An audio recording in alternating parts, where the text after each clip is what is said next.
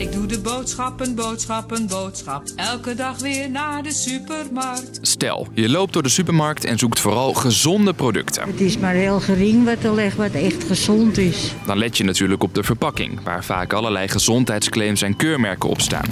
Steeds vaker zie je er ook de Nutri-score op staan. Misschien heb je het al eens gezien. Het is een score die gaat van de letter A, donkergroen, tot en met E, donkerrood. Waar komt dat logo vandaan en wat zegt het eigenlijk? En dat helpt eigenlijk Nederlanders niet bij het maken van een gezondere keuze. Ik ben Dennis en vandaag bijt ik me vast in de Nutri-score. Lang verhaal kort. Een podcast van NOS op 3 en 3FM. Door de aardappelen in de schil te koken blijft de volle voedingswaarde behouden en gaat er niets verloren. Advies over gezond eten is van alle tijden.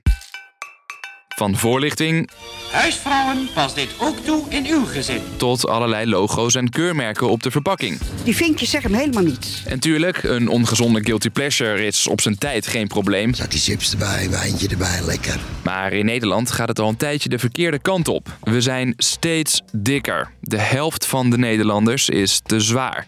Het was in 1990 nog een derde. En dat zorgt weer voor allerlei andere problemen. Per jaar zijn er eh, direct eh, te relateren aan ongezonde voeding. eh, hebben we in Nederland zo'n 13.000 doden te betreuren. Je hoort Frank Lindner van de actiegroep Foodwatch, een soort voedselwaakhond. En de zorgkosten die daarmee gemoeid zijn met inderdaad ongezonde voeding in Nederland, die liggen inmiddels op 6 miljard euro. Een belangrijke reden voor die toename is ons voedsel. Let maar eens op als je door de supermarkt loopt, zegt deze voedingsdeskundige. We zien bij de supermarkt dat ongeveer 80% eh, niet bijdraagt aan een gezond voedingspatroon en 20% wel. En dus kwam er het ene na het andere actieplan. Eén daarvan is dus de Nutri-score. Een logo waarmee je kan zien of een product een gezondere samenstelling heeft of juist ongezond is. Als test stond hij al een tijdje op een paar verpakkingen. En omdat het keurmerk vanaf 1 januari officieel is goedgekeurd, ga je hem waarschijnlijk nog veel vaker zien. Hoe werkt hij dan? Nou, het logo is niet verplicht. Producenten mogen zelf weten of ze hem erop zetten. En op het eerste gezicht lijkt het vrij simpel. Van rood naar groen, van E naar A, laat het in één blik zien hoe goed de voedingswaarden van een product zijn. Ja, dus een rode E betekent slecht en een groene A betekent goed, zou je zeggen. Klopt, maar het ligt wat ingewikkelder. Dat heeft te maken met de berekening achter de Nutri-score. Werkt zo. Een product krijgt strafpunten voor hoeveel suiker, vet, energie en zout erin zit. En pluspunten voor goede ingrediënten, zoals eiwitten, vezels, fruit en groenten.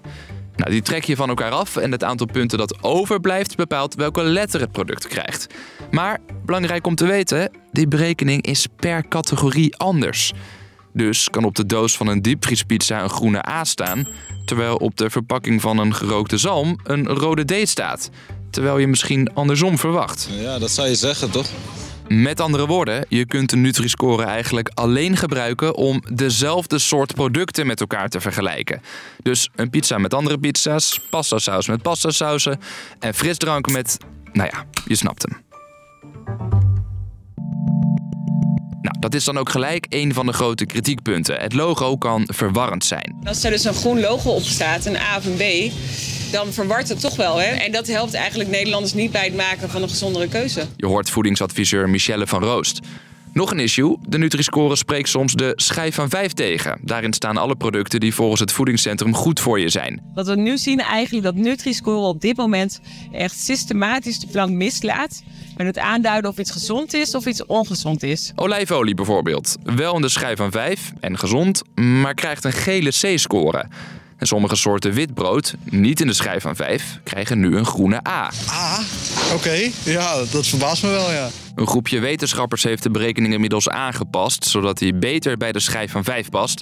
Maar het kan nog tot twee jaar duren voordat fabrikanten die nieuwe berekening gebruiken. Maar goed, ondanks de kritiek zien ook kritische organisaties wel de voordelen van de Nutri-score. Hartstikke goed dat eh, de Nutri-score op meerdere producten komt, zodat consumenten in één oogopslag kunnen zien hè, eh, welk product er beter is samengesteld naar voedingswaarde. Dus, lang verhaal kort. De afgelopen jaren zag je hem als proef, maar nu is de Nutri-score officieel goedgekeurd en ga je hem op meer plekken zien. De score vergelijkt alleen dezelfde soort producten met elkaar en zegt dus niet per se of iets gezond is of niet. En daarom kreeg het ook veel kritiek te verwerken. Dat was hem weer voor vandaag. Wil je nou weten hoe deze Nutri-score de smaak van ons eten verandert? Kijk dan aanstaande zaterdag 6 januari naar onze nieuwe explainer op YouTube. Daar ga ik er nog wat dieper op in. Voor nu, bedankt voor het luisteren. Tot de volgende en... En nu betaal